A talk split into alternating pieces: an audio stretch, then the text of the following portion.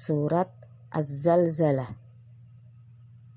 A'udzu billahi minasyaitonir rajim Bismillahirrahmanirrahim Idza zulzilatil ardu zilzalaha